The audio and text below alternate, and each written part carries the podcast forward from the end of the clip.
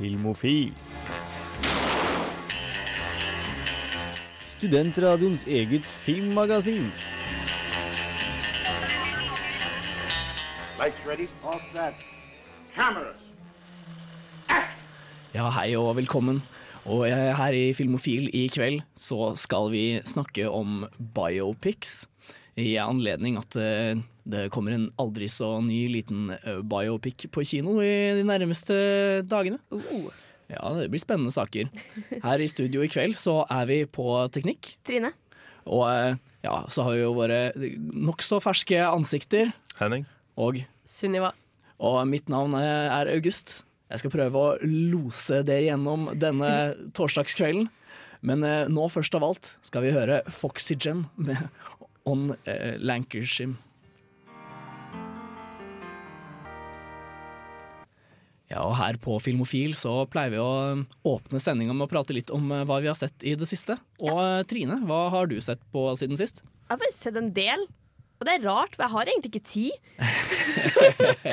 så liksom Åh, jeg kjenner meg igjen i den. hele, hele helga forrige uke så gjorde jeg jo noe. Så jeg var jo på festpremiere til Fifty Shades Darker. Ah, Det var, det var også en opplevelse. Da er vel du den eneste som ikke har sett den, Å, oh, shit.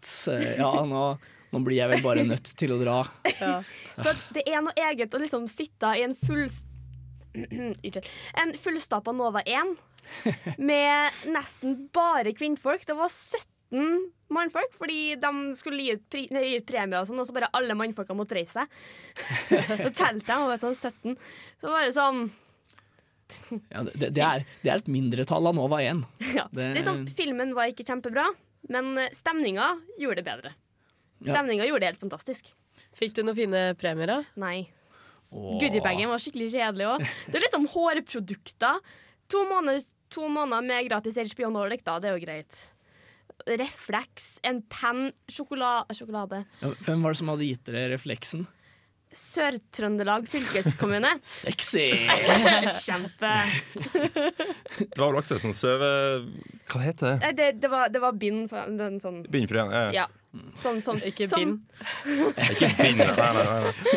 Så, sånn du kan bruke på soverommet hvis du har lyst til det. Bind hadde heller ikke vært sånn kjempesexy gave, egentlig. Nei, det hadde ikke det. Eh, Nei. Det, Matcha kjønnsprofilen, da. Ja, jeg har fått 30% rabatt på all sånn Fifty Shades Darker-ting på kondomeriet, da. Stemmer. Det Det det. har jeg fått, men eh, mm, Ja, nei, da er det bare å løpe og kjøpe. Nei, eh, personlig så har jeg vært eh, veldig i hundre denne, denne starten av uka. Fordi eh, eh, jeg er veldig, veldig fan av John Oliver fra Last Week Tonight with John Oliver.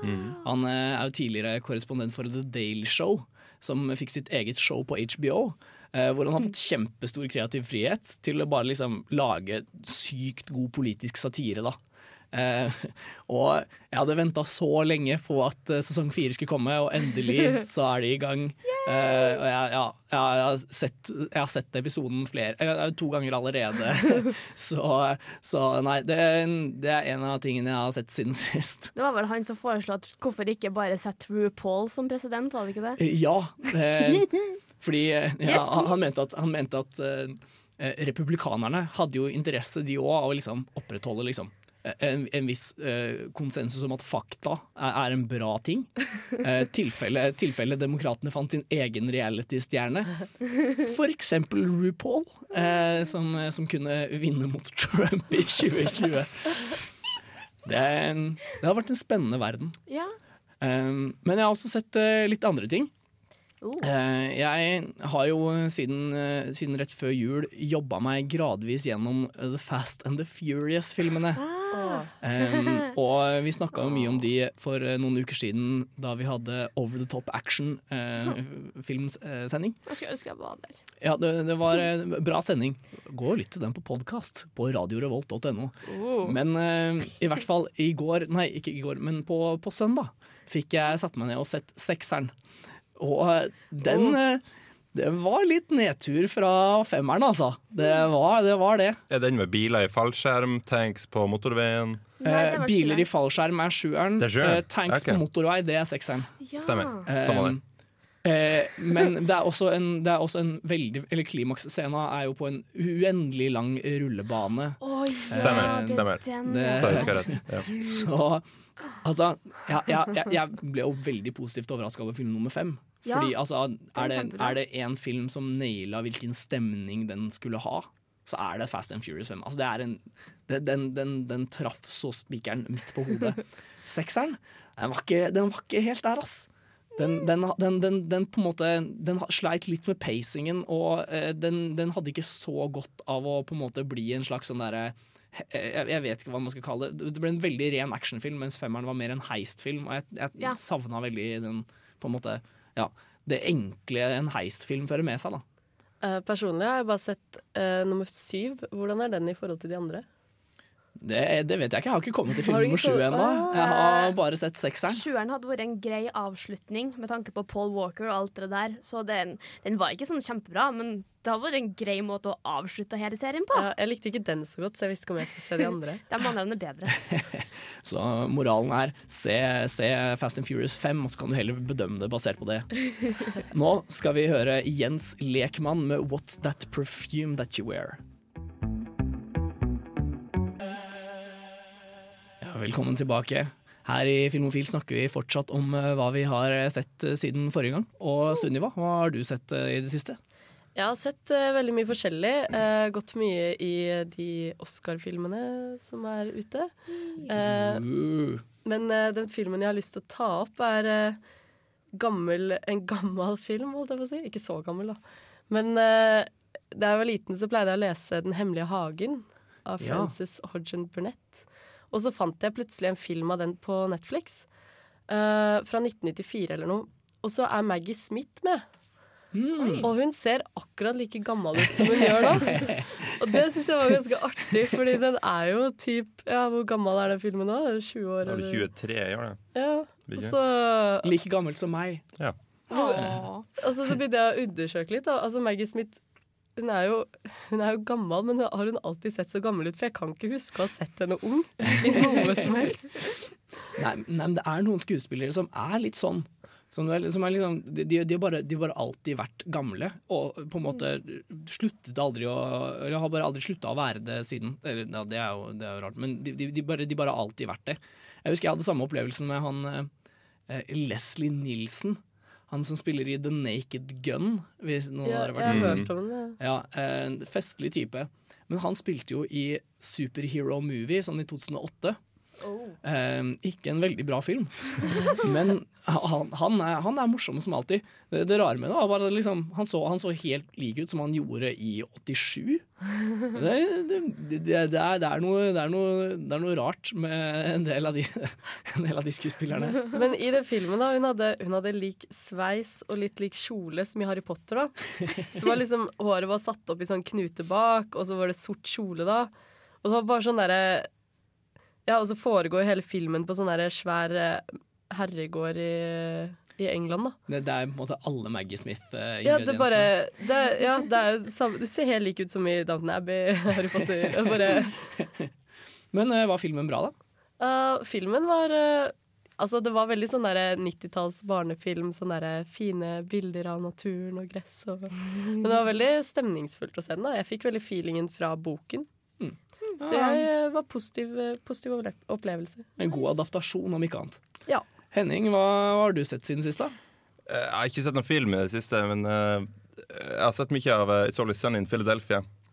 Jeg har sett så langt eh, på ei uke litt over to sesonger. Oi. Ja. Det, da har du jo sett en del siden sist, da. Godt Eh, Ja, men ikke film. Men ikke film. Det, det er en sånn serie som er litt vanskelig å snakke om, for det er litt sånn Det er litt som The Office, hvis dere har sett det. Det er litt sånn, det, det er bare rare situasjoner. Det er liksom ingen punchlines, ingen laugh tracks. Det er bare rare situasjoner, rett og slett. Jeg har sett én episode av The Office, Ja. Uh, og altså, pute-TV det er noe jeg, jeg, jeg ikke takler. Å, takk. for, meg, for meg så er på en måte Jeg har veldig respekt for folk som altså, For meg er det mer ubehagelig å se på The Office enn det er å se på liksom vet, det er- nesten like ubehagelig som å se på Antichrist, eh, for de som lurer mer Jeg på ikke til å se det. Ja, men det, skjønner jeg godt, altså. Det for, for de som lurer på hvor fæl Antichrist er, eh, så er det bare å høre på forrige ukes sending. men, eh, men, men ja, det, det er, det er, jeg, jeg så den episoden kun fordi vi hadde den på pensum på film- og fjernsynsvitenskap. og det var, det, var, det var smertefullt. Jeg er helt enig med deg. Altså, det, er en veldig, det er en fysisk ubehagelig serie å se på til tider. Altså. For jeg prøvde å se den jeg gikk på videregående, og den var, da må det slutte til slutt. Jeg tror jeg så tre sesonger, og det var en episode som gjorde så vondt at jeg kutta episoden.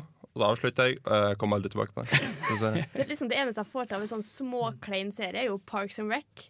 Eh, Parks and Recreation skulle jo være en sånn litt sånn The Office-lignende ting. Mm. Og så bestemte seg for sånn De gjorde det første sesongen, og så fant de ut andre sesongen bare Nei, vet du hva, nå skal vi gå vår, vår egen vei, og det er jeg så jævlig glad for, fordi det er en av favorittseriene mine nå. Ja, nettopp. Jeg har hørt akkurat det samme fra flere. Ja. At eh, Første sesongen prøvde de noe, så fant de ut sin egen måte liksom, som var mye mye bedre. Jeg har ikke sett det selv, Å, det er så fantastisk. Oh my god, Leslie Knope. Så en, en eh, Always Sunny in Philadelphia er en eh, anbefaling fra deg, altså, Henning. Ja, absolutt. Ja, Men eh, nå skal vi høre Jakob Ogava med All Your Love. Filmofil gir deg nyhender fra filmen og fjernsynets i spanende verden. Ja, Da er det bare for meg å sette over til vår faste nyhetskorrespondent eh, Trine Mogård. Hva har skjedd der ute i den store, vide verden siste uka? Uh, det har kommet en uh, liten, bitte liten teaser-trailer til Orange is the New Black.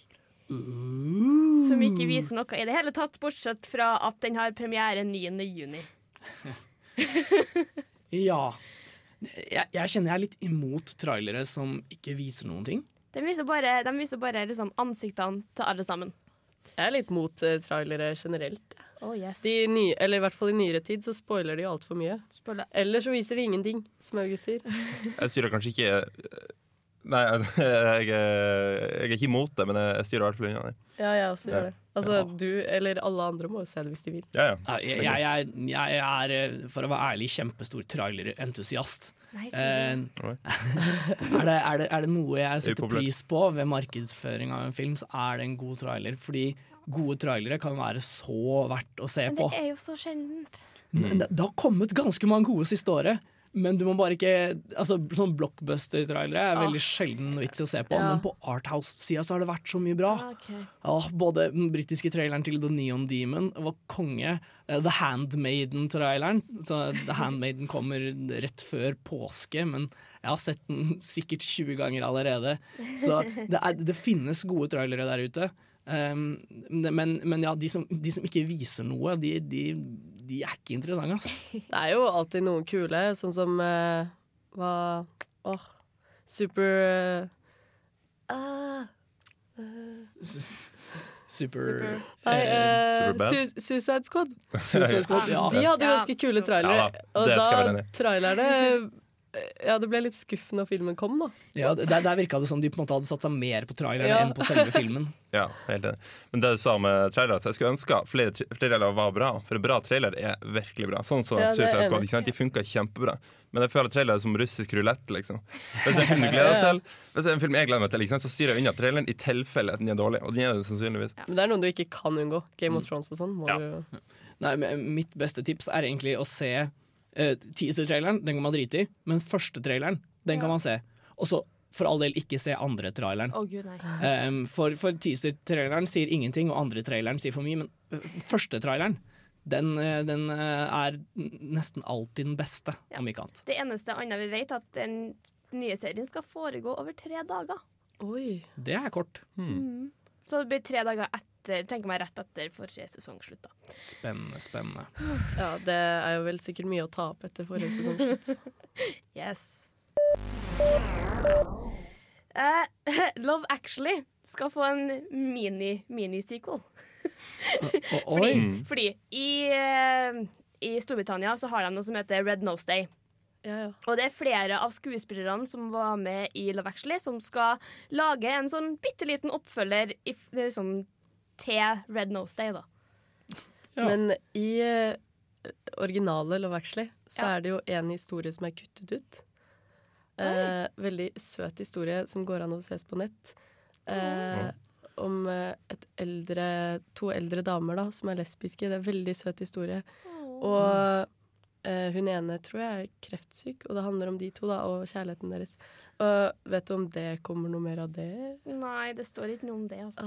Det gjør ikke det. Nei, men det er flere historier derfra som er kutta ut, altså. Faktisk. Jeg har bare Eh, sett én. Det er eh, Jeg så bonusmateriellet til å veksle sammen med min mor en gang. Da kom det en del sånne bortklipte scener.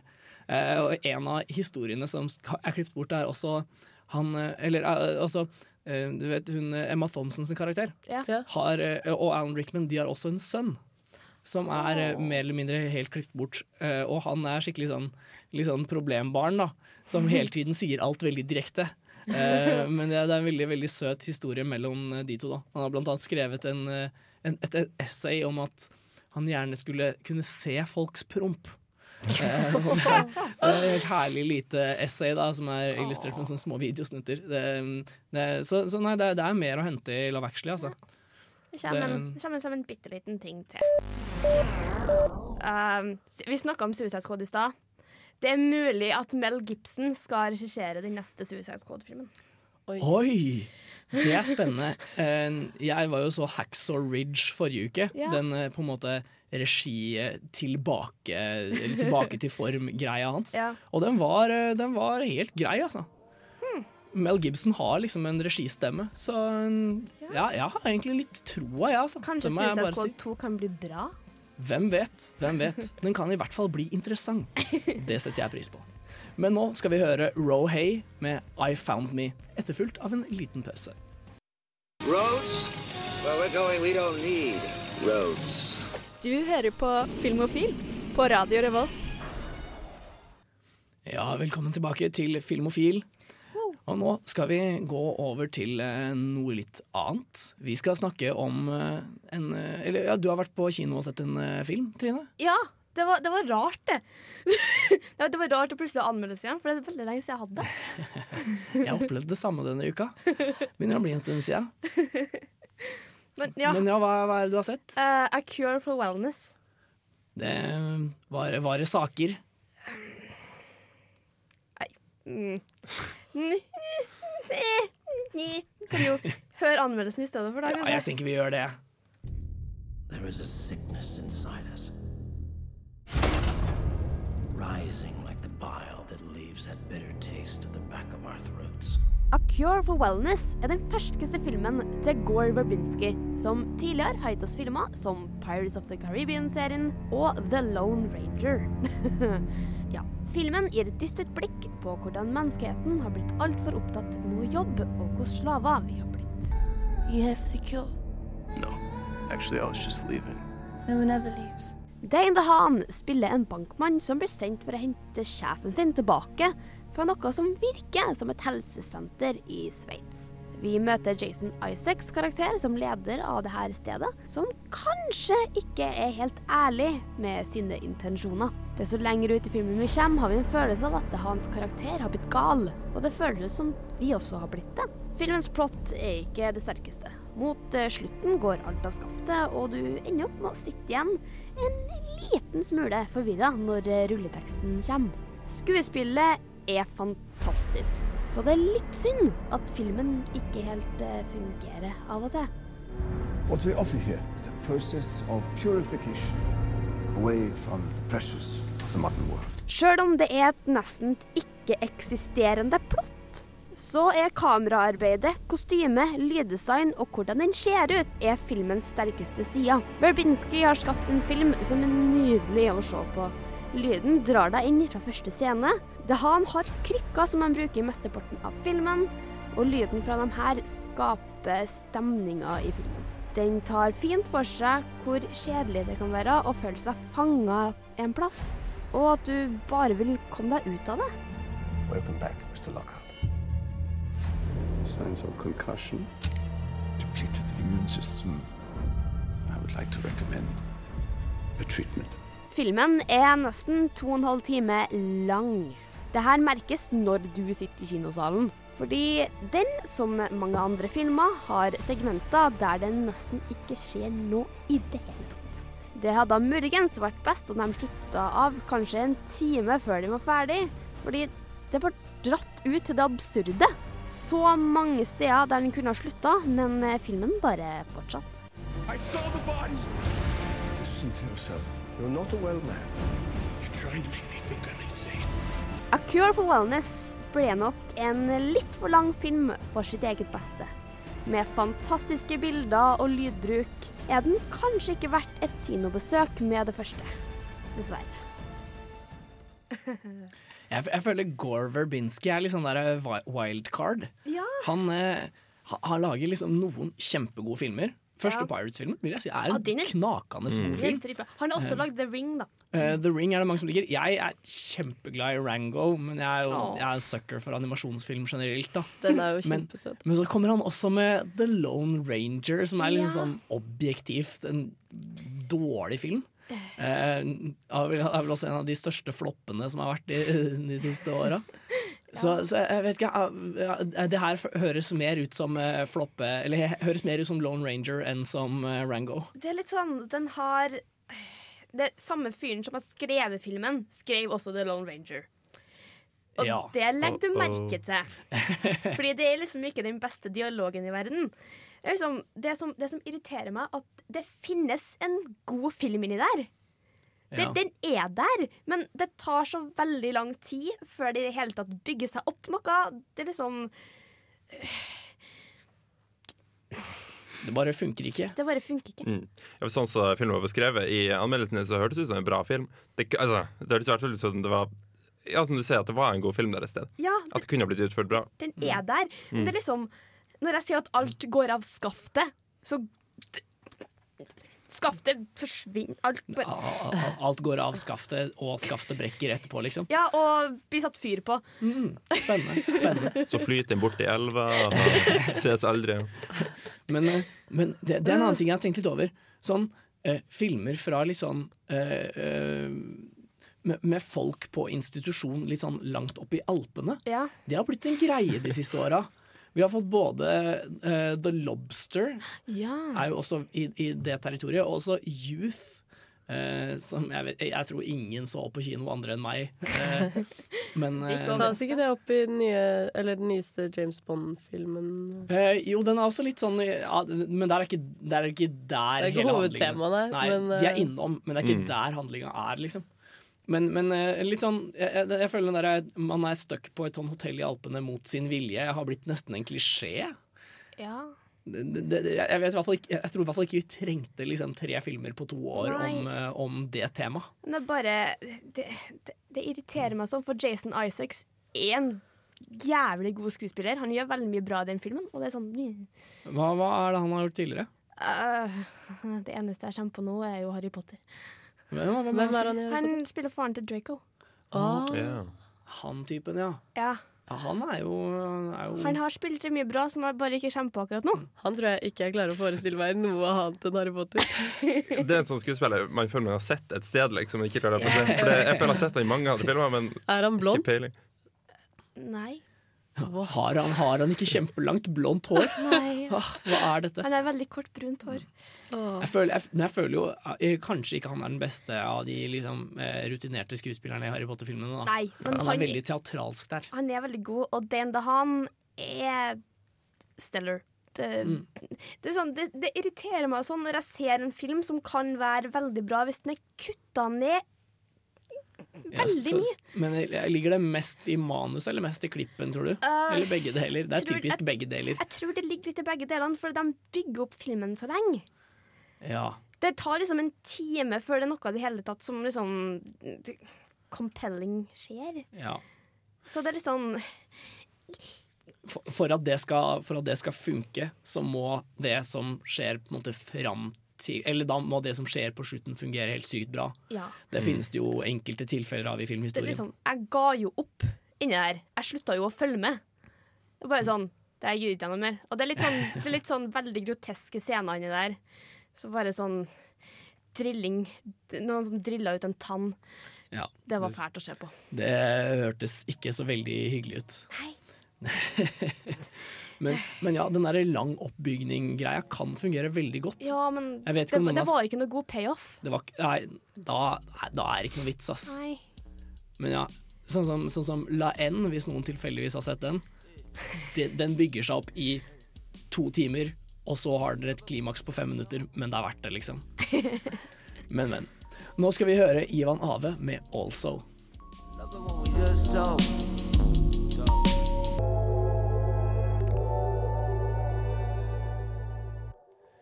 Ja, og eh, jeg har jo også vært en tur på kino siden sist.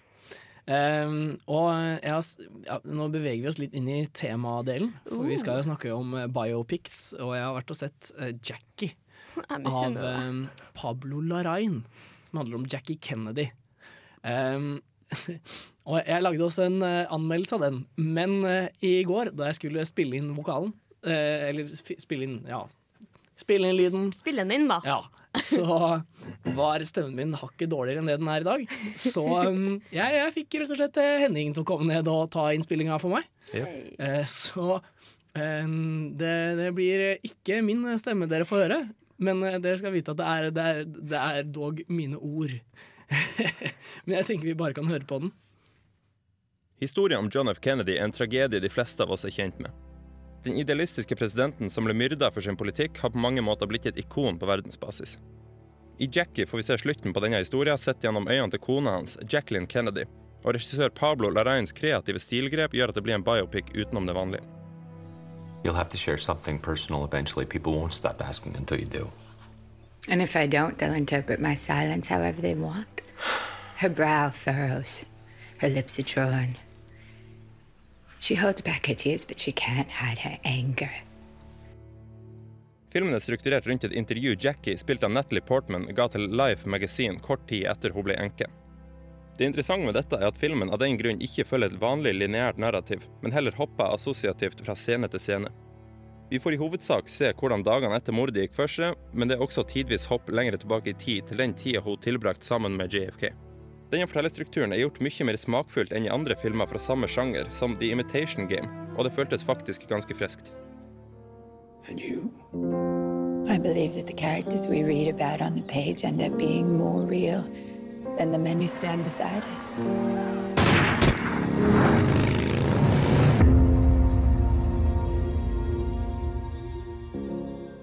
Et annet aspekt ved Jackie som man umiddelbart biter seg merke ved, er det visuelle uttrykket.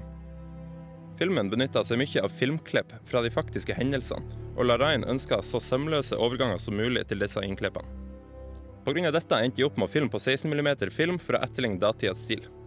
Dette gir et veldig distinkt uttrykk nå i 2017.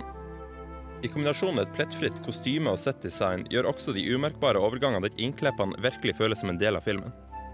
Resultatet blir en sterk fornemmelse av autentisitet. Man tror virkelig på at det hele gikk for seg slik filmen viste deg. Most writers want to be famous. You want to be famous? No, I am fine as I am, thank you. You should prepare yourself. This article will bring you a great deal of attention. Oh, in that case, any advice for me? Yes. Don't marry the president. Disse aspektene i kombinasjon gjør at dette i langt større grad føles som en film som hører hjemme på filmfestival enn på Oscar-akademiets røde løper.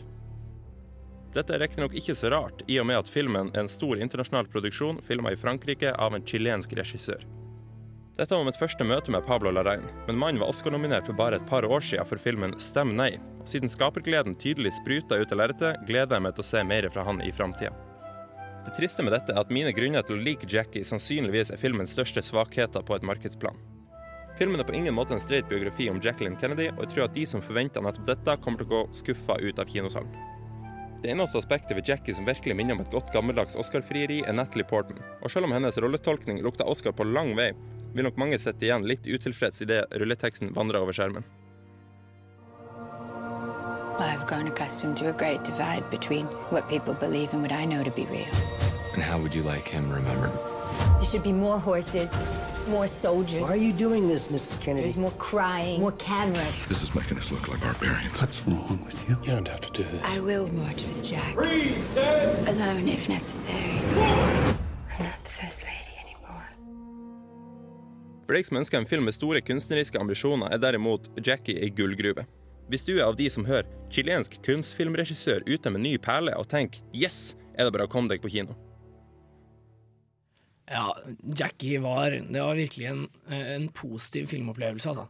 Det er liksom jeg, jeg har jo ofte litt problemer med biopics, i at jeg syns de ofte ser veldig like ut, alle sammen. Eh, Men det, det kommer vi mer tilbake til senere. Men altså, Jackie er et tilfelle av det totalt motsatte. da. Eh, Den, den ser virkelig ikke ut som andre filmer i dag. I og, at, ja, I og med at den er skutt på 16 mm film, eh, så får den en veldig, sånn, veldig tydelig tekstur. Nesten liksom Nesten eh, det, det er fristende å si eh, litt sånn amatøraktig liksom, preg, men det føles ikke amatøraktig ut i det hele tatt. Men det er ganske, det er ganske grovt uttrykk, da. Det høres ut, ut som de har gjort veldig mye interessante grep. da. Jeg ble i hvert fall veldig gira på å dra og se den. Ja, den er, den er, den er eh, spennende gjort, altså. Og altså, som sagt, Natalie Portman er, hun er, hun er så bra.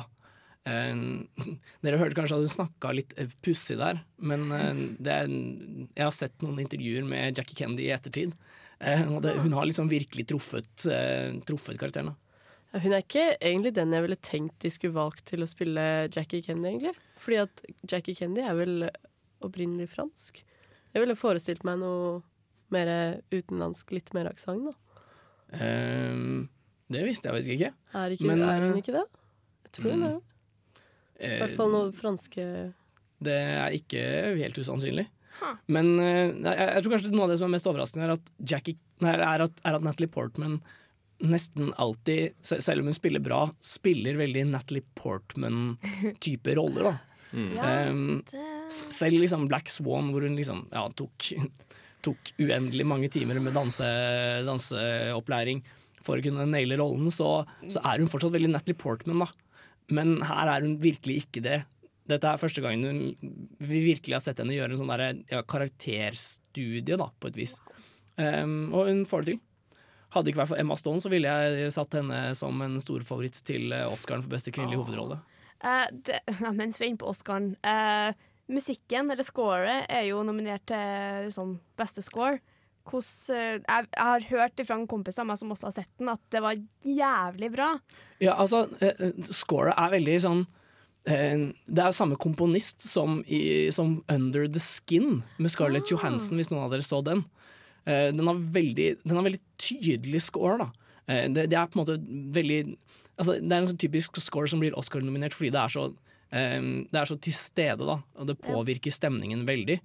Personlig så vet jeg ikke om det er noe jeg kommer til å sette meg ned og høre på hjemme, men det fungerer veldig bra i kontekst, da. Eh, selv om det på en måte er litt fremmedgjørende. Det er, det er, veldig, det er veldig pussig altså, Som sagt, det føles, føles mer som en sånn klassisk festivalfilm enn det føles som en sånn, sånn Oscar-film. da. Den, eh, den har eh, en veldig slags sånn eh, ja, den har, en veldig sånn artsy feel over seg. Um, og, og det gjelder både, både musikk og fotoarbeid og liksom, ja, nesten alt. Alt unntatt uh, Natalie Portman, i grunnen. Men uh, ja, hun gjør jo sin greie bra nok, så det, det, er, det er ikke et problem, altså. Mm. Det rett og slett en, en uh, varm anbefaling. Det er, det er også, en, det også veldig trist, noen veldig triste scener med John Hurt. Å nei, Um, han spiller pre eh, presten til, eh, til Jackie. Uh, og gjør liksom en knallsterk rolle. Det var Veldig, det var, det var liksom følelsesladet å, å se en nå i lyset av hans Åh. dødsfall. Det gjør litt vondt. Når Ja. er det den har premiere? Er det i morgen? Den har premiere nå i morgen, så det er bare å Er det noen som har lyst til å være på Jackie? Det var det jeg skulle ta opp på nyheter. Kanskje Filmofil skulle tatt en eh, aldri så liten eh, utflukt. Men eh, nå tenker jeg vi tar en aldri så liten låt. Vi skal høre Sondre Lerche med 'Soft Feelings'.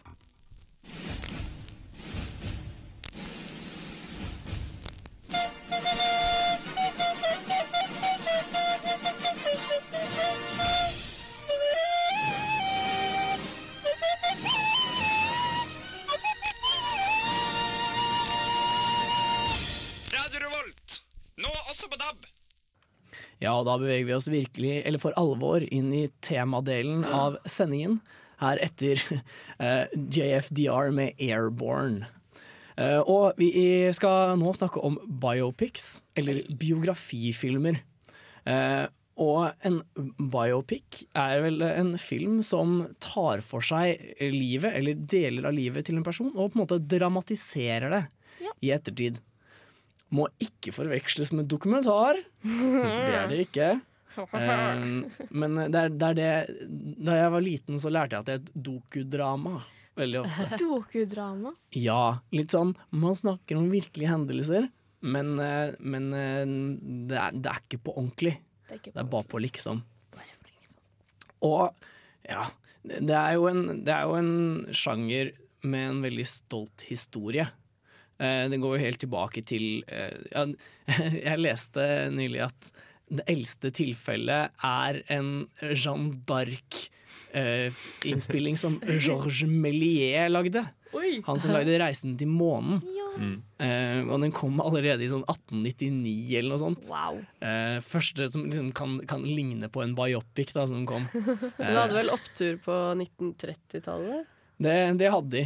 Eh, Det var en veldig populær sjanger da, men de filmene som kom da, er liksom ikke de som har stått igjen som de mest kjente. Det, det er liksom kan- du, kan du nevne en, Nei. en eh, biopic fra 30-tallet? Det, det, men det var, noen, det var noen veldig kjente på, på 20-tallet, faktisk. Okay. Eh, apropos Jeanne d'Arc. Ja, for det var den jeg tenkte på. Det er Ja. en litt nyere enn eh, 1899, Det er det. Jeanne d'Arc, som er relativt gammel som Ja, jeg, jeg tror den er fra sent, sent 20-tall. Uh, men den, eh, og den er laget av Theodor Dreyer. Danske, faktisk. Mm. Men den er virkelig regna som en av de eh, største filmene som er laga noensinne. Det er typisk den som dukker opp på Sight Sound sin topp 50. Um, og eh, veldig kjent for sine nærbilder. Men også Napoleon, som er en fransk eh, sånn, sånn epos filma i, i aspect ratio 3 til 1. Eh, så det er, vi, her Wow. snakker du widescreen and beyond. Um, eh, men i hvert fall super, så, så, eller veldig kjent for sin kreative kamerabruk. Men, eh, men eh, senere har den jo på en måte i ja, sjangeren primært kanskje blitt assosiert med liksom, den, den der typiske Oscar-filmen. Ja. For er det, er det noen filmer som har vunnet liksom disproporsjonalt mange Oscarer, så er det de der episke biografifilmene. Bare tenk på Lawrence of Arabia, eh, eller Amadeus, for den saks skyld. Amadeus. Det er sånn klassiker å se på ungdomsskolen, føler jeg. Ja. Jeg husker vi så den på ungdomsskolen med vår lærer, og han var eh, Vi vi hadde en lærer på ungdomsskolen som var veldig glad i å liksom analysere ting i dybden med oss. Eh, Oh. så vi trykka, eller han trykka jevnlig på pause, og så sa han ja, hva, vi, hva, hva er det som har skjedd siden nå, egentlig? Eller, det er det mest irriterende når du ser film. Nei, nei men han, han, klarte å gjøre det på en engasjerende, måte. Da. Eh, så liksom vi, vi, vi vi analyserte så mye. Altså, det var liksom ja, hvordan, hvordan uh, Amadeus var et Jesus-symbol og masse sånn dritt. Vi gjorde det samme med Ice Wide Shut, faktisk. Og Det er litt sånn som når du ser på Game of Thrones med venner og ikke har lest bøkene, og de trykker på pause hvert 15. sekund liksom, for å forklare Men han her var egentlig veldig viktig i sesong tre, men det kommer vi til. Oh, Det er sånn, nei. eh, ja. Jeg, jeg er han fyren bare med hvordan de lagde Ringenes herre-filmene. Hvis han da, du nevnte Ice Wide Shut. Så dere også den på ungdomsskole? Ja, ja. Wow! Ok. Eh, Det gjør ikke jeg. Jeg hadde en veldig flink, flink lærer. Eh, Men, eh, men eh, Nei, det, det var vi, vi, ja. Spesielt. Ja, men, men vi, jeg, jeg tror det var der filminteressen min begynte, faktisk. Så, Ja, det ikke Ice White Wide Shut nødvendigvis, men med hans, med Mm. hans liksom, analyser. Oh. Men tilbake til temaet.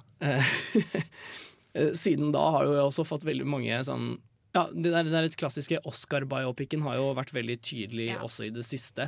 Med sånne ting som jeg vet ikke, Kongens tale er jo kanskje det beste eksempelet. Ja. Ja, Eh, eller eh, Jeg er ikke så fan, jeg. Nei, nei, nei. Men det er et veldig godt eksempel på en sånn, uh, sånt Oscar-frieri. Ja. ja, det er jo det. Jeg, jeg føler Hvis vi skal gå på mer interessante ting som har kommet til det siste, så er kanskje Selma eh, mer relevant eh, å trekke fram. Denne Martin, Martin Luther King-film.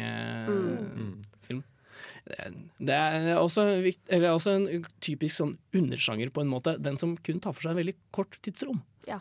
Men da er det jo ofte knyttet rundt veldig viktige hendelser, da. Ja. Så det er jo Jeg syns nesten det ofte er spen mer spennende, da. Det, det kan veldig ofte være det, altså. Men vi skal snakke mer om eh, biopics og ja, flere eksempler og også flere ja, kjennetegn.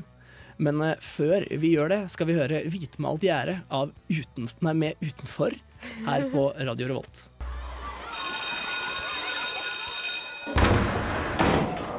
There will be no foolish wand waving or silly incantations in this class. No, okay, that's it for the day then. Today, we have a similar debate over this. Anyone know what this is, class? Anyone? Anyone? Anyone seen this before? Ukens hjemmelekse. Ja, og Som ukens hjemmelekse i dag så har vi valgt en eh, litt spesiell biopic, vil jeg si. Vi har, vi har valgt eh, Ed Wood. For Ed Wood er en altså jeg, jeg vil si at det er et godt eksempel på, på måte noen som tar en, en biopic-fortelling og Ja. putter den inn i sin egen stil. Eh, For den er, den er jo regissert av Tim Burton, og hvem har tydeligere stil enn han? Ingen. Men det er jo ikke bare det, han setter det på en måte inn i den stilen som Ed Wood på en måte hadde, da. Det er Ja. på en måte å ta biopic-filmene et steg videre og faktisk på en måte klare å gjenskape fortellingen gjennom stilen også, føler jeg. Ja, og det er jo litt spesielt med at Ed Wood er nettopp et kunstnerportrett, da, på en måte. Ja. Men, eh, men eh, ja, det, det det blir litt som å lage en dokumentar Nei, å lage en biopic om, om, om, eh, Jackson Pollock fremstilt som Jackson Pollock-malerier. det, det, Ja. det ville blitt noe veldig annet. Men, men, men nei, du, du har et godt poeng der, altså. Det, det, det er noe med den der campy stilen til Ed Wood som på en måte forenes så herlig med Tim Burton sin estetikk også. Og så er det så fint at de faktisk valgte å ha det i svart-hvitt. Ja, det er faktisk et veldig bra poeng. Men bare den introen, liksom. Jeg får Ed Ja. Wood-feelingen med en gang. Den der Dracula nedi den boksen, og fortelleren kommer opp og liksom Ja. Nei, og det er så herlig å vite at så mange av tingene som skjer der, faktisk skjedde på ordentlig. Ja, det også. Så hele, hele, greia med at han prøver å få eh, finansiert filmene sine gjennom noen sånne kristenkonservative Ja. folk som egentlig vil lage filmer om de ti bud. Så bare lager han noe helt annet. Ja, det var vel, det var vel sånn han finansierte Plan 9 from Outer Space, var det Ja, og det også er veldig gøy, fordi at du ser så tydelig noen av scenene fra Plan 9, da, og hva han har på en måte tenkt rundt i. Og jeg så personlig så så jeg Plan 9 dagen Jeg husker ikke om det var dagen før eller dagen etter, men jeg så det i hvert fall med bare ett døgns mellomrom. Plan 9 from Outer Space og Edward. Ja. Og det var skikkelig opplevelse, fordi du får liksom hele den derre opplevelsen av han som person. Da. Mm. Eh, Jeg at vi da vel kanskje ikke sa at eh, Ed Wood er en veldig veldig kjent kultfilmregissør. Han lagde, han lagde B-filmer på 50-tallet. Eh, og filmene hans er legendariske for å være blant de aller dårligste filmene som er laget noensinne. Da. Det er vel kåret til eh, de dårligste filmene, og han er vel yeah. også kåret til tidenes Ja. dårligste regissør. Ja. Og når det ikke gikk så bra, så gikk han vel over i pornobransjen, og det sier jo litt, da. Han ble veldig kjent der, da. Sier sånn at eh, Johnny Depp gjør en veldig bra Gjør en veldig bra rolle som Edward, syns jeg. Ja. Jeg, jeg, men jeg elsker Johnny Depp, da, men det der er liksom sånn, litt sånn små, ung Johnny Depp før han gikk liksom helt over kanten. Ja, ja, Det er galskap. Det, det, det, det er noe med det det, er- der altså, det er når man ser sånne filmer som Ed Wood, at man innser hvorfor Johnny Depp ble den stjerna han er. Da. Ja. Fordi han ja, Da den kom på 90-tallet eh, 93? Var det den kom? 94. 4, jeg tror jeg. Ja, mitt, mitt fødeår nok en gang. Men, eh, men eh, i hvert fall så innser man på en måte ja, at, at hvor, hvor friskt det var, da, på en måte. Ja. Og det er også en, et, en, noe typisk ved, ved biopics generelt. eh, at de på en måte er en anledning for skuespillere til å vise hva de er verdt. Mm. Det er veldig mange eh, Eller det er, det er flere eksempler på skuespillere som liksom har fått karrieren sin eh, ja, snudd litt rundt da, ved at de har gjort en eller annen sånn stor eh, biopic-rolle. Fordi det er ganske utfordrende for skuespillerne å skulle på en måte de, de kan ikke bringe seg selv til bordet på samme måte. Da. De er nødt til å på en måte tilpasse seg en historisk skikkelse som folk faktisk visste om. Ja, det er akkurat det. De har jo på en måte det, er, det handler jo om personer som alle har et forhold til, som regel. Mm. Og alle har en fremvisning om hvordan det skal være, og hvordan det skal se ut. Så det er jo helt annerledes enn å få et manus, og så skape seg en karakter, eller skape en Mm. rundt det, da. Men bare se på, bare se på Natalie Portman i, Ja. i Jackie. men, eh, men ja, det er både, både mm, eh, Johnny Depp i, i, eh, i eh, Ed Wood og også Ben Kingsley Gandhi. Mm. Um, og Jim Carrey i Man on the Moon. Ja. Ja, dette er eksempler på, på en måte, ja, skuespillere som har fått eh, Eller så, hvor, hvor, hvor på en måte massene har skiftet veldig syn på karrieren deres da, i etterkant at de har Mm. gjort en biopic, fordi de plutselig liksom har fått vist at nei, men jeg kan jo spille, jeg også. Så nei, det er, en, det er en utfordring for skuespillerne, denne sjangeren. Mm. Men nå skal vi høre Papa, Papagayo. Ja. Med Kapunki papagayo. vanskelig navn å uttale, altså. Med Gooseberry.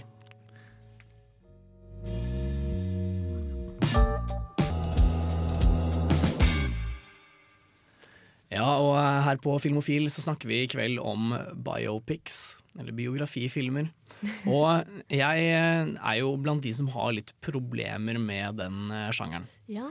For eh, er det er det én sjanger som typisk er låst i veldig sånn stramme eh, sjangerkonvensjoner, og som veldig ofte ser helt like ut, så er det biopics. Og da tenker jeg særlig på de der Oscar-bate-filmene. Liksom Imitation Game. Imitation Game er det en- et av de nyeste eksemplene på det. Ja. Den var veldig kjedelig. Ja. Eh, Både, eller særlig, særlig det visuelle uttrykket. Og allikevel så elsker folk det. Jeg skjønner ikke helt greia. Jeg, jeg faller litt for det. Men jeg vet ikke hvorfor. Jeg tror det bare. Det bare skrur av den filmkritiske hjernen og bare gir faen. Jeg er mer enig med August. Jeg, jeg, er sånn, jeg, jeg digger biopics hvis de er bra. Mm. Ja. Men med en gang det blir den der hvor du vet, hele veien veit hvor det går hen, da, Ja. så blir det veldig kjedelig.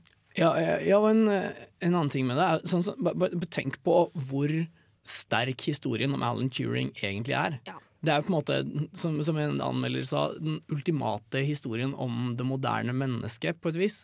Handler om en homofil mann som fant opp datamaskina. Ja. Det, det, det er liksom ja, det, det, det, det- det burde være en utrolig rørende fortelling, men den klarte ikke å gjøre den til noe mer enn et skuldertrekk, da, for min del. Å ja, jeg begynte å grine.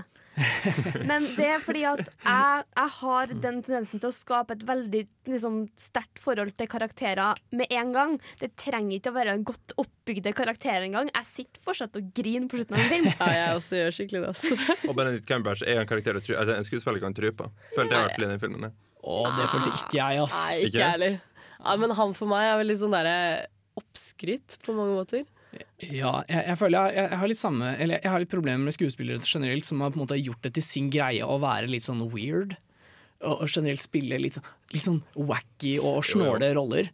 Eh, og det blir på en måte Det blir veldig fort snålt for å være snålt sin skyld. Det er et problem jeg har med Johnny Depp, og det er et problem jeg i senere tid har begynt å få mer og mer med Bundit Cumberbatch. Og det er trist, for jeg liker jo egentlig fyren. Altså, jeg liker egentlig når de spiller litt som wacky. Sånn, Helena Bonham Carter er jo dritkul. Eh, men akkurat med han så er det mer den derre jeg, jeg liker ikke fyren, liksom. Sherlock også. Jeg får ikke feelingen av han. Altså. Ja, og, men altså, jeg, jeg, kan, jeg, kan, jeg skjønner hva du mener med Helena Bonham Carter, for hun klarer å gjøre det på en måte med, eh, med engasjement hver gang. Men jeg, jeg føler ikke helt engasjementet til Ben Crumberbatch lenger. Nei, jeg er gjør det tidlig Sherlock. Liksom Ja. Første sesongen av Sherlock, der ser jeg det. Og så begynner liksom det forsvinner litt, litt, litt og litt mer Mm. gjennom sesongene. Og sesong fire så var det Det eksisterte jo ikke. Et annet eksempel på dette da eh, er jo et kanskje enda tristere eksempel, siden den ble så utrolig populær. Det er jo Kongens tale. Ja. Jeg også inne på så vidt. Ja. Og, altså, den, vant, den vant Oscar for beste film i et år med så sterk konkurranse. Men hva annet kom det året? Den slo i hvert fall Black Swan. Oh, oh. Og jeg skjønner ikke, jeg, jeg skjønner ikke hvordan The Social Network slo den også ut. Jeg, jeg, jeg, skjønner virkelig ikke hvordan folk kunne stemme på Kongens tale Fordi det over sitter en hel haug med gamle mennesker i denne forbanna Oscar-komiteen. Derfor. De har blitt bedre nå. Altså. Ja, ja, men det var Men- ikke det da. Det, men det er, ikke, det er ikke bare det, det handler også om hvordan de stemmer. Ja. Fordi eh, eh, de har et stemmesystem som skal sikre at en film med bred support eh, er den som stikker av med seieren. Eller stikker Ja. av med, på en måte, med det gjeveste trofeet. Og eh, problemet med det er at da ender du opp med å ofte få sånn filmer som kommer på mange andre- og tredjeplasser. da Ja. eh, som ja, går over med seieren, heller enn en film som var litt polariserende, som Black Swan. Ja, men da har du også det. Når de kom ut, da kom du ut tidlig på året, så er det mindre sjans, sånn generell mindre sjanse for at det blir den vinner Oscar. Fordi det, det, det er jo gjerne det som sitter igjen ferskest i minnet, som kanskje Ja, men, men, men Black Swan kom også i julehøytida. Herregud. Det var én positiv ting med kongens tale. Det var jo Ja. Helena Bonham Carter. Sånn apropos Ja. Nei. Det, det finnes heldigvis unntak også i biopic-sjangeren. La oss heller fokusere på de resten av sendinga. Nå skal vi høre All Them Witches med Alabaster. Hei! Hei! Det er ikke 90s sitcom-flashback. Ta og Skru på noe annet. Ja, bedre, men prøv igjen. Der, ja! Ahem. Filmofil presenterer ukas serie. Og ukas serie er da Orange is the New Black. Så vi hører den sykt catchy kjenningsmelodien til akkurat nå. Nice. Ja, den sangen er catchy. Eh, jeg har sett meg opp på Orange is the New Black kun for denne sendinga. Uh, og jeg ble så glad i akkurat den, uh, akkurat den uh, kjenningsmelodien. Oh, Satt og hørte herlig. på den i stad. Liksom. Introen generelt er jo bra, da. Ja, ja, ja, ja, ja. Det er en sykt bra title sequence. Er- Den er liksom enkelt og, og greit, men liksom et konsept jeg ikke ville kommet på selv. på en måte Sant. Men hvorfor snakker vi om Orange is the New Black i dag, Sunniva?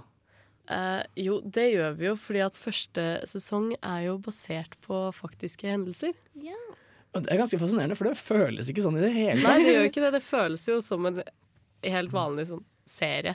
Ja, det, Men- det føles som et ja, helt streit dramakomedieserie. drama Ja. Men den er jo da basert på en bok som er skrevet av hun som karakteren Piper er basert på. Pi- Piper Kerman, tror jeg den heter. Ja. Um, Eh, og selv om den ikke fortsetter som sånn biografisk, eller altså De senere sesongene er jo fiktive. Men uh, sesong én er jo basert veldig mye på ekte hendelser. Da. Ja, på boka, på boka hennes. Jeg har jo den hjemme. Jeg, skulle ta, jeg tenkte egentlig jeg skulle lese den ferdig til i dag, men ops. Ja, Det er vel også et eksempel på en, en biografi hvor det er ganske store avvik mellom liksom de faktiske hendelsene og, Ja. Eh, og ja, det, det, som, det som skjer i serien. Mm. Men eh, jeg tror den har liksom Jeg tror, jeg tror de har i, i stor grad har klart å fange på en måte stemningen i det der fengselet. Ja. Det var i hvert fall det jeg fikk eh, inntrykk av da jeg leste om på en måte adaptasjonen. Da. At liksom, selv, om, selv om tingene som skjer kanskje er ganske forskjellige, så er det liksom samme, samme stemningen. Og det er også veldig mye av de på en måte hendelsene da, som ikke nødvendigvis hovedstoryen, men mye av de der litt sånn snåle hendelsene Mm. i serien som er tatt ut, selv om de ikke kommer i riktig rekkefølge og sånne ting. Så er det også hentet ut fra faktiske hendelser, da. Og det er en serie der det faktisk er ordentlig lagde kvinnelige karakterer. Det er sterke kvinnelige karakterer. Det er jo en kvinnebasert serie, egentlig. Ja, hvor mange mannlige er det? Det er bare så tre mannlige Det er karakterer. veldig få. og- Det er jo, de fleste er jo uh, vakten i fengsel. Pornstæsj. Typen hennes, da. Ja, det typen er hennes. typen. Det er jo han fra American Pie, da. Ja. Han var veldig søt, syns jeg. Ja, han er ganske søt i denne, men eh, jeg tenker American Pie med en gang ass. Men det er veldig godt å faktisk se en serie der kvinnelige karakterer blir tatt på alvor. Og det, Ja, det- er så greit. Det, det er ikke som eh, alle de der eh, tilfeldige puppene som er spredd i bakgrunnen i Game of Thrones, for Nei, det er eksempel. ikke det. Eh, Men eh, det jeg syns er veldig interessant med den serien, er egentlig hvordan de klarer å på en måte ta opp veldig alvorlige ting, men pakke det veldig inn i humor. da. Ja. Mm. Og det er jo litt sånn typisk USA, da, at hvis du vil ta opp et så alvorlig tema og så få så mange seere, så må du pakke det litt inn i humor. Men de gjør det på en utrolig bra måte. Ja. Ja, jeg, jeg tror generelt eh, Eller jeg syns generelt eh, amerikanerne kan være ganske flinke til å pakke inn eh, ting i Eller pakke inn alvorlige ting i humor. Eh, nå kommer jeg rett fra en uke med liksom mye Last Week Tonight med John Oliver. Eh, for de har sett opp igjen liksom hele sesong tre og, eh, og sånt også. Eh, men, eh, men, men jeg, det, er, det er noe i det du sier. Med en gang du tar opp noe alvorlig i en alvorlig film, så blir det veldig vanskelig å se på for folk flest. Ja. Um, Ja, og så er det jo sikkert noe med også sånn Jeg vet ikke uh, de, de tar jo opp på en måte noe veldig statlig, da. Mm. Med å ta opp fengselsvesenet. Og de tar jo opp veldig mye negative ting ved det. Mm. Og det er jo ikke noe som de sikkert egentlig vil legge frem, sånn staten Nei. generelt. Men med en gang det pakkes inn i humor, så er det på en måte greit, da. Ja, nei, det er det er ikke lett å lage, å lage noe om det amerikanske fengselssystemet generelt. Nei, det er jo ikke det. Eh, Jeg så jo Det var en ting jeg så denne uka. Eh, Ava DuVernay, hun som lagde Selma, som vi har nevnt så vidt tidligere i denne sendinga, hun eh, har lagd en dokumentar som heter eh, 13th. Som handler om fengselsvesenet, som ligger på Netflix nå i disse dager. Bare å sjekke ut. Eh, men hun sa det veldig tydelig i et intervju med Oprah i ettertid, at liksom, nei, hun hadde veldig bevisst policy på at denne, eh, denne filmen skulle ikke vare mer enn 100 minutter. For lenger enn det orker ikke folk å sitte og høre på at jeg skal legge ut om hvor fælt fengselssystemet er. Ja. Så, så nei, det er, nok, det er nok lurt å pakke det inn i en god dose humor. Og så er det jo også noe med det der at de tar opp, eh, de tar opp fangene sine problemer, da. Mm. Og ikke nødvendigvis fengselsvaktene. Så de tar jo opp forbrytere sine problemer. Ja, Vise folk fra en mer human side, rett og slett. Mm. Men nå skal vi høre en aldri så liten låt. Vi skal høre Mastodon med 'Show Yourself'. Play it once, Sam. Det er jo alltid å ha musikk når den er påtent. Helst noe indisk eller pakistansk. Ukas filmlåt. Ja, og det å snakke om eh, ja, musikk i forbindelse med biopics, det er ganske naturlig. For det er temmelig mange som har lagd ja, biopics om musikere. Um, og en av de er, er Marion Cotillard og hennes gjeng, som Mm. lagde en biopic om La vie en rose. Eller om Edith Piaf, Ja. Det, ja, det, det var ikke bare om den sangen. Nei, nei. Så vi har, vi har valgt å øh, valgt oss øh, Je ne regrette rien. øh, hvis fransken min fra videregående sitter fortsatt. øh, som, som filmlåt. Og dette er en av dine favoritter, Synnøve? Eh, sangen, eller Eller filmen? Dama generelt. Altså, jeg er veldig glad i både Edith Piaf og Marion Cotillard. Så det er en veldig bra kombo, da, den filmen. Eh, jeg likte den veldig godt. Eh, Edith Piaf er jo på en måte sånn Hun er noe for seg sjæl, da. Ja. ja det det syns jeg er litt morsomt i Frankrike. De har veldig tydelig sånn der visesangtradisjon, på en måte. De har det. At, at du, du fikk en del sånn popstjerner som drev med mer sånn, mer sånn visesang. Eh, du har også hørt en del på Jacques Brel, for eksempel. ja, han er jo Han har jo Er det Bob Dylan som har stjålet noen tekster fra han og uh, den, den 'Seasons in the Sun' Ja, er, er eh, jo- basert på en av hans låter. Eh, så det, det, er veldig, det er veldig rart å høre på en måte ja, en, høre på visesangere som har blitt sånne store popstjerner. Men det som er med Edith Piaf, er jo på en måte Hun er så på en måte sånn rå og på en måte naken, hvis man kan si det. Det er så sånn derre Det er veldig sånn Ja, det treffer meg skikkelig, da. Mm. Hun synger følelsene på en måte Eller Ja, synger, veldig- hun synger veldig direkte følelsene ut av kroppen. Så hun har veldig kraft, og hun har jo et utrolig trist liv, da. Så den filmen er jo ganske trist, egentlig. Det er sånn eh, Hun har jo ikke hatt noe god oppvekst, og alkoholvanene hennes er ikke så gode, Hun ble vel mer eller mindre plukka fra gata. Hun ble jo det. Og begynte med kabaret, tror jeg. Mm. Eller sånn, ja Små kafeer og sånn i Paris. Og så tok det jo bare av etter hvert, da. Mm. Men hun har jo på en måte Ja, hun er jo usikker på seg selv. Hun har jo vokst opp i et horehus. Det sier jo litt. Ja, jeg, jeg tror de fleste ville være preget av det. Ja, eh, og Kanskje. Det er på en måte Ja, hun har skikkelig trist liv, og jeg syns at stemmen hennes klarer å formidle det ganske bra. Og Marion Cotillard også gjør en veldig god fremstilling av henne, da. Mm. Hun klarer å treffe det der. Ja, det, det er ganske eksepsjonelt, faktisk, at en fransk skuespillerinne vinner Oscar for beste kvinnelige hovedrolle, som hun gjorde for den, eller for den franskspråklige filmen. da. Ja. Det, det er ganske lenge mellom hver gang de liksom Franskspråklige filmene vinner. Eh, ja! Kanskje det De- kan skje igjen i år? Det er, det er sans, viss sannsynlighet for det. Jeg håper det. De blir, det er nominasjoner med jevne mellomrom. Ja. Eh, du hadde jo Emanuel Diva for, eh, for eh, Amour eh, et par år tilbake. tidenes eldste, nominert til Oscar for beste kvinnelige hovedrolle, faktisk. Mm. Hun døde også nå i januar. Nei. Men, men det, det vitner om en sterk rolleprestasjon, da.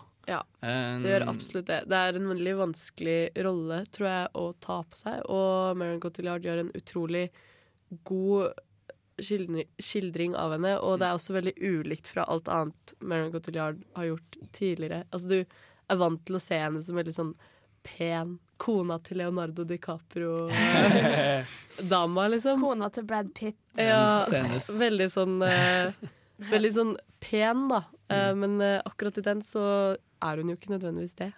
Plutselig er hun rett fra levra. Ja, Jeg tenker vi kan høre på låta, jeg. Her får dere Edith Piaf med 'Je ne regrette rien'.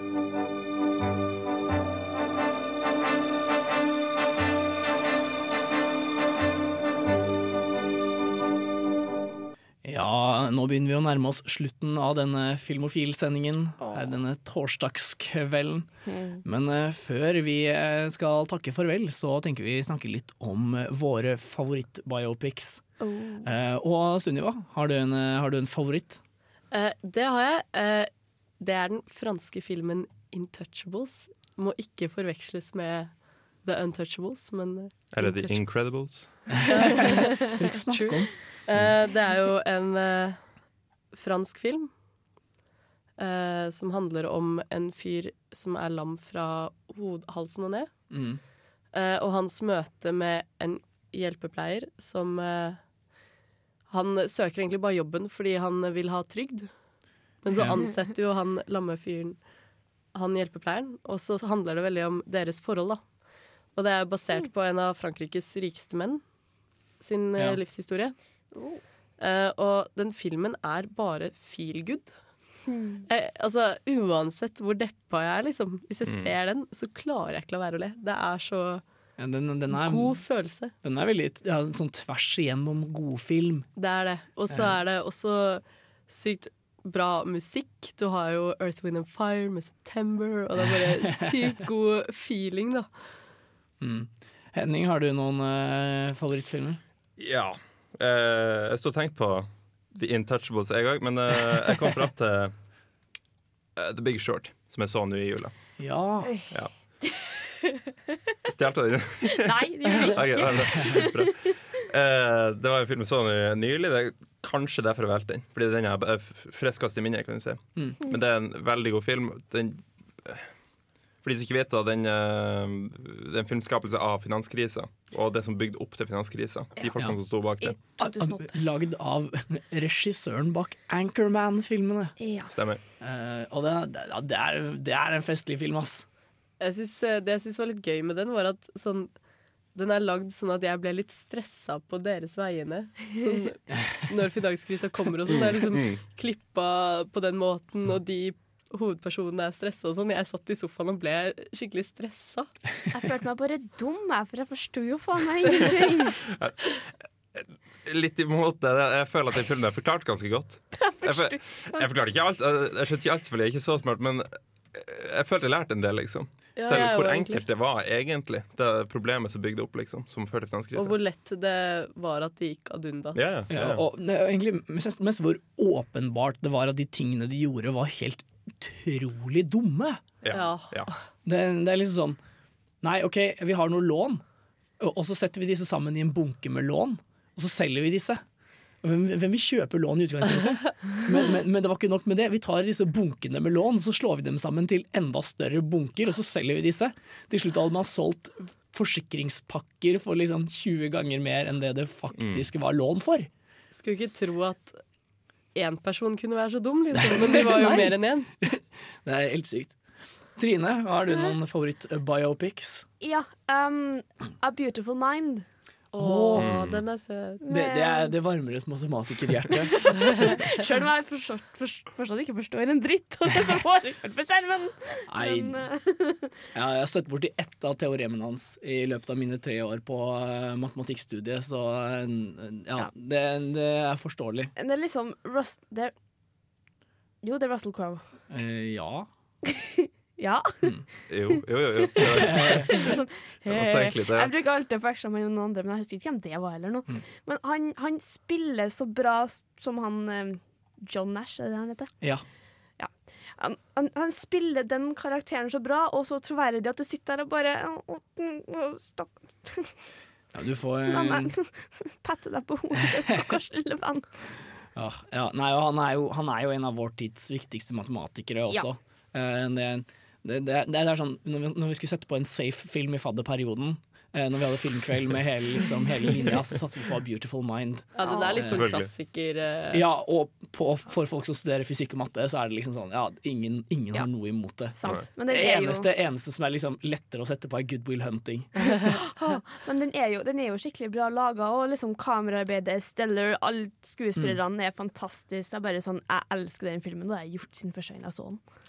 Ja, min favoritt er nok en litt mer uh, obskur uh, film.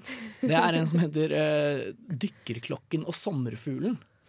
Men jeg, jeg liker jo filmer som er løst på en kreativ måte. Og dette handler om en mann som får slag, eh, og som blir, eh, som blir lam i alt annet enn høyre øyelokk. Oi. Og han, han, var, han var redaktør for L, tror jeg. Eh, men ender opp med å skrive en eh, roman Nei, eh, ender opp med å skrive sin biografi da, gjennom å blunke med ene øyet. Eh, Oi. ja-nei til bokstaver. Å, Og hele de første 20 minuttene av den filmen er skutt i point of view-shot fra han. da Eh, Med kun Med ett øye? Eh, ja, nei, på en måte Kameraet tar plassen til ansiktet hans. da Ja. Um, mens vi på en måte får høre hans indre monolog, da for han kan jo ikke snakke lenger. Og altså, Den er så bra laga. Det er, det er um, fotografen til Steven Spielberg. Eh, det er liksom ba, ba, Alt er helt Og Mathieu Amalric en ganske kjent fransk skuespiller. Har biroller i masse Wes Anderson-filmer. Uh, men i hvert fall han, han spiller liksom helt utrolig som, som hovedrolle eller, gjorde en helt utrolig hovedrolle. Mm. Så det er en varm anbefaling til alle som ikke har eh, Alle som har lyst til å se litt mer kreative biografier. Oh. Men nå tenker jeg vi skal ta en aldri så liten låt. Vi skal høre FKJ med 'Skyline' her på Radio Revolt.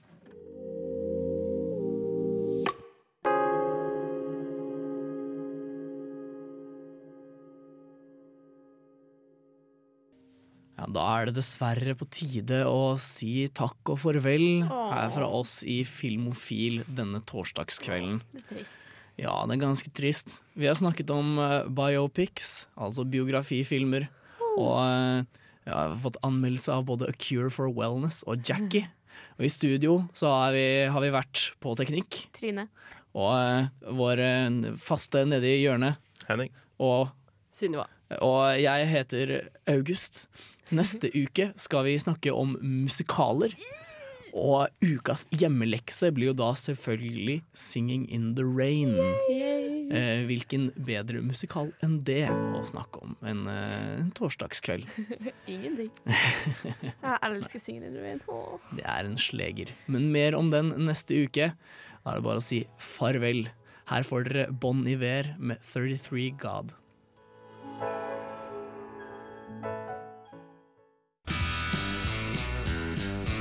Du lyttet nettopp til en podkast fra Radio Revolt. For å høre flere av våre podkaster, gå inn på radiorevolt.no.